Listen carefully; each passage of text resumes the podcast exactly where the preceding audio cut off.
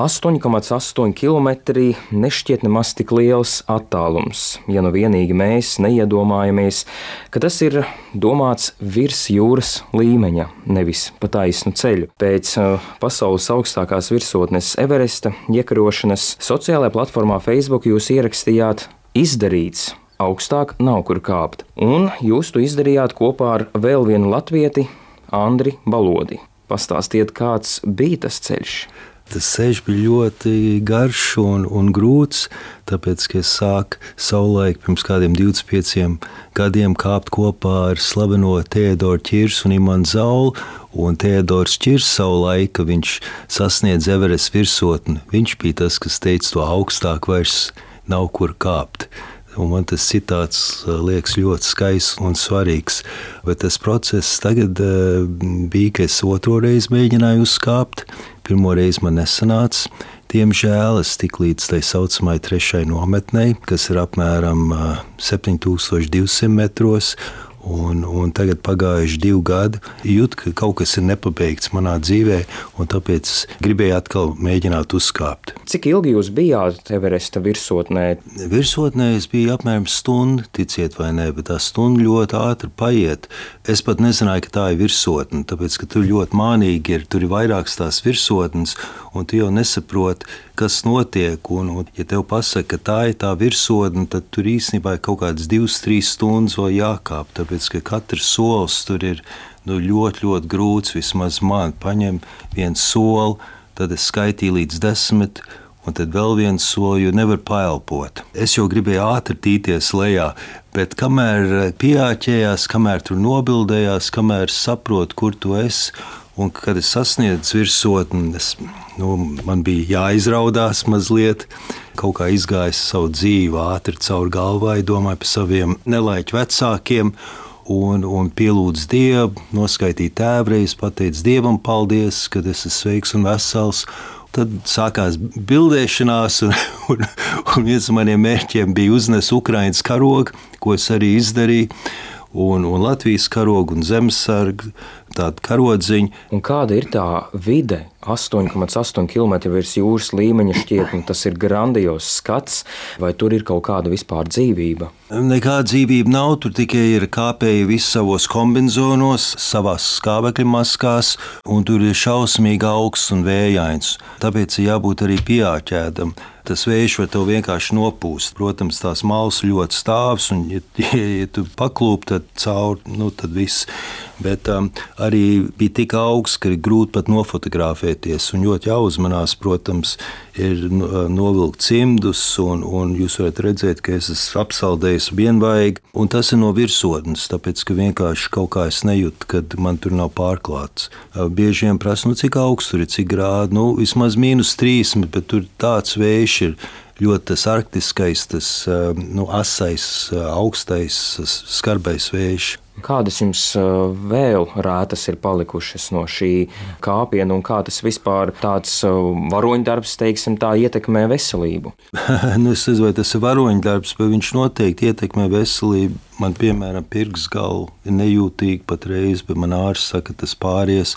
Mums vienam pavadonim, šerpam, trīs pirksti bija apsaluši, zila pilnīgi, un, un tad vienu pirkstgaliņu vajadzēja amputēt, diemžēl.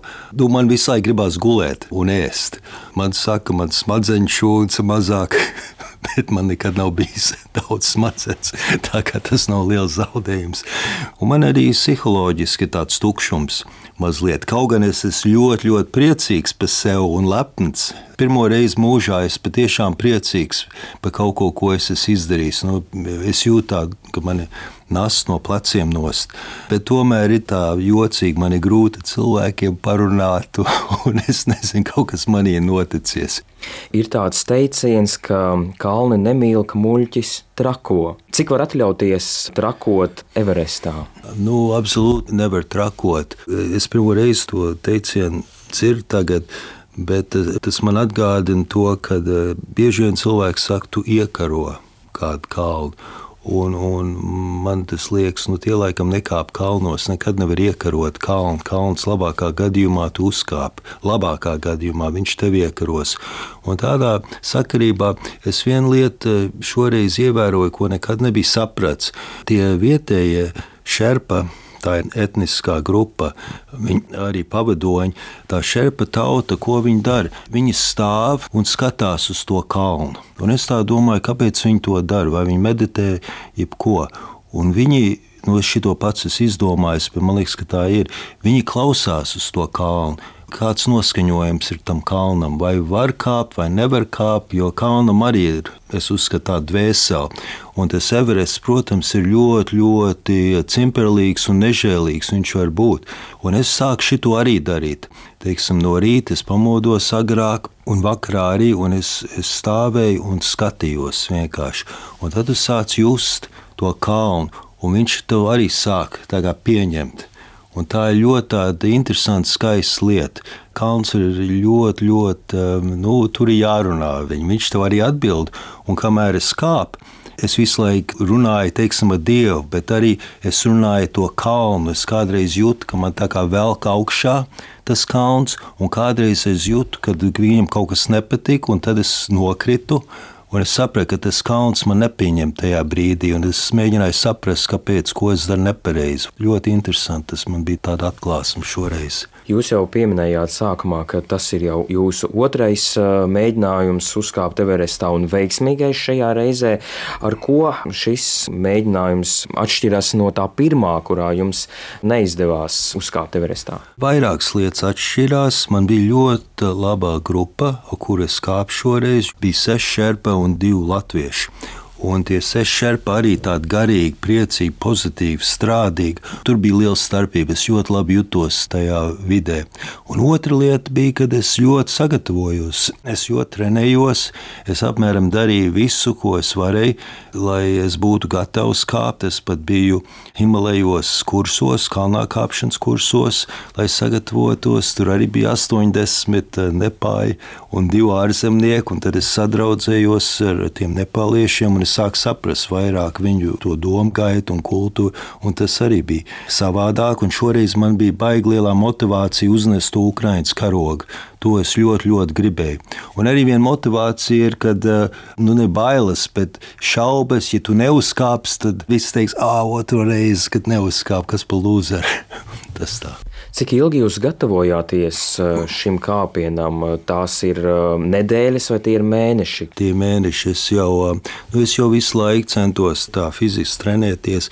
Bet, kad es izlēmu, tas bija rudenī, un tad es divas reizes biju Nepālā. Es, es sāku tur kāpt kalnos, nu, vairākus 5000 metru kalnus uzkāpt, jo man liekas, tas ir ļoti vajadzīgs. Tur tā aklimatizācija ļoti svarīga.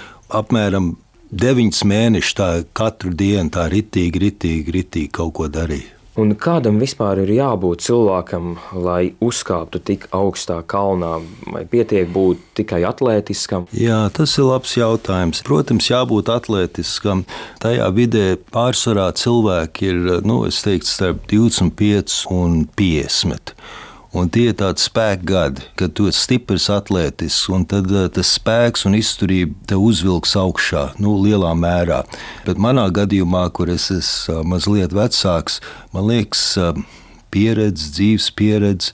Nobriedums, tas, ka tu pazīsti sev, savu ķermeni, tu sāc runāties ar kalniem, šādas lietas varbūt arī. Varbūt es nebūšu tas pirmais, kas sasniedz to virsotni, bet es lēnā garā kaut kādā veidā savākšu sev un tur nokļūšu. Protams, vajag trenēties, bet arī vajag to kalnā kāpšanas pieredzi. Kā jau teicu, es biju kalnā kāpšanas kursos. Tur tomēr ir, ir kaut kādas maņas, kas ir jāiemācās, lai būtu vieglāk. Un, ja tomēr nesanāk uzkāpt kalnā, lai cik arī gribētos, kurā brīdī saprast, ka ir jāiet atpakaļ? Nevajag būt varonim. Nu, šis ir ļoti svarīgs jautājums. Es varu pieminēt mūsu, varbūt ne tieši mūsu komandā, bet mūsu grupā. Bija cilvēks no Moldāvijas, arī Viktors. Viņš nomira 4. nometnē. Viņš ļoti jauks bija. Mēs viņu ēdām un, un, un kopā un, un smējāmies un runājāmies. Un, uh, viņš gribēja uzkāpt bez skābekļa. Un mēs viņam jautājām, kā tu iedomājies, tāpēc tas ļoti grūti, tur vajag fizioloģiju. Bet viņš izdomāja, ka tas ir viss galvā, ka tas ir psiholoģiski. Ja tu vari iestāstīt sev, ka tev nevajag skābekli, tad tev nevajag. Seks bija kāds viņas bija. Viņš tur nomira savā teltī, 4. nometnē. Es nebiju klāt, bet cilvēki redzēja, viņš pat neņēma, ka viņam piedāvāja to skābekli. Nu, kurā brīdī?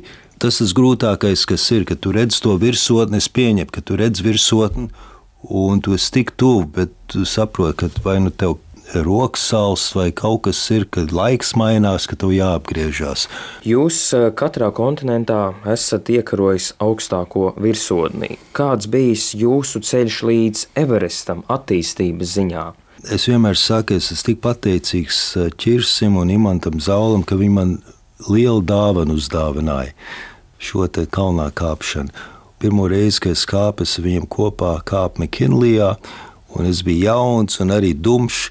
Un, un sportisks, es tagad vienkārši reflektējos, es uzkāpu tur vienkārši ar savu gribas spēku un izturību. Un tad es viņam turpināju kāpt visos tajos pārējos kalnos, bet tagad viņi vairs nav, bet es par viņiem domāju katru dienu, kamēr es kāpu un domāju, kā viņi to darīt. Nu, tas attīstības ceļš, ka tā ir man liela dāvana, kas tagad pēc nu, 30 gadiem ir, ka es esmu izdarījis to, ko katrs alpīnis sapņo. Un kas ir tālāk? Katra augstākā Jā. virsotne katrā kontinentā ir iekarota, karjera beigusies. Nu, kā Teodors nosauca savu grāmatu, ceļš nekad nebeidzas. un, un man grāmatas arī nosauc uh, Ceļš uz Everestu, kas turpinās. Man ir daudz idejas, bet tagad um, man ir jāatpūšas. Es tagad rakstu grāmatu par Ukrajinu, kas tiks nobeigta dažās nedēļās. To grāmatu sauc, kad karš kļūs personisks. Nu, stāstiņi, tādi īsti stāstiņi ar ilustrācijām, un ko es esmu piedzīvojis Ukrajinā. Tad, protams, būs jāķerās pie nākamās grāmatas par Everestu. Un tad varbūt būs vēl viena grāmata par septiņām virsotnēm. Man liekas, tas ir svarīgi runāt par šo un stāstīt par šo, lai cilvēki arī aizdomājās. Es uzskatu, ka vajag darīt lielas lietas, tāpēc ka šis ir, man liekas, pārcilvēciski. Kādreiz man neticās, ka es tur biju, es to izdarīju. Un tas ir svarīgi, tāpēc ka tas dzēn mūsu civilizāciju, un īpaši latvieši, man liekas, šito kāpt kalnos, ir diezgan daudz, cik es saprotu, es esmu 11. Tā kā daudz latviešu jau ir uzkāpuši, un tas ir ļoti apsveicam. Turpināsiet kāpt kalnos? Jā, noteikti, bet varbūt ne tik augstos kalnos. Kas ir tas nākamais? Es, es, es, es esmu savas dzīves pēdējā ceturksnī. Es jūtu, ka cik ilgi tagad iet atkopties no tā visa.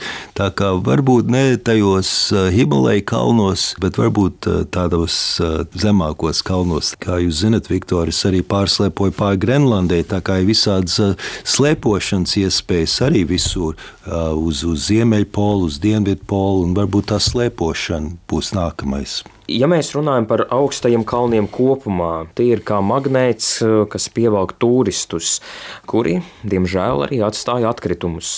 Cik palikuši tādi kalni, kuru kāp maz un kur tā vide ir varbūt tīrāka nekā citvieta? Tie atkritumi, jā, viņi ir Everestā, bet tagad ir vairākas programmas, kur nes tos atkritumus lejā. Kur es redzēju, atkritumus ir 4. nometnē, bet tas ir 8000 metros tur ir daudz skābekļa balonu un telts, kas ir no vēja tur saplīsuši, saplostīts. Un tas ir tas skats, ko tagad šo sezonu ļoti daudz rāda internetā. Citādi uh, tur mēģina tīrīt to Everestu. Tā kā tie, kas sēž uz dīvana un skatās, ka tur baigi netīrs, tur nemaz nav tik netīrs par kuri tīri kalni. Es varu pateikt, ka Grenlandē ir ļoti daudz kalni, varbūt viņi nav tik augsti, bet tur ir tādi kalni, kur cilvēks nekad nav uzkāpis. Un tur ir ļoti, ļoti tīrs joprojām, bet arī cilvēki vairāk brauc visur, visur, un visur kļūst um, netīrāks, diemžēl. Ja kāds klausītājs arī vēlēsies kāpt augstos kalnos, cik tas vispār maksā? Piemēram, cik jums izmaksāja kāpiens Everestā, Jā. skaitot visus pārlidojumus? Es ļoti pateicīgs manai ģimenei, kas man palīdzēja gan pirmo reizi, gan otru reizi. Citādāk es nebūtu varējis atļauties.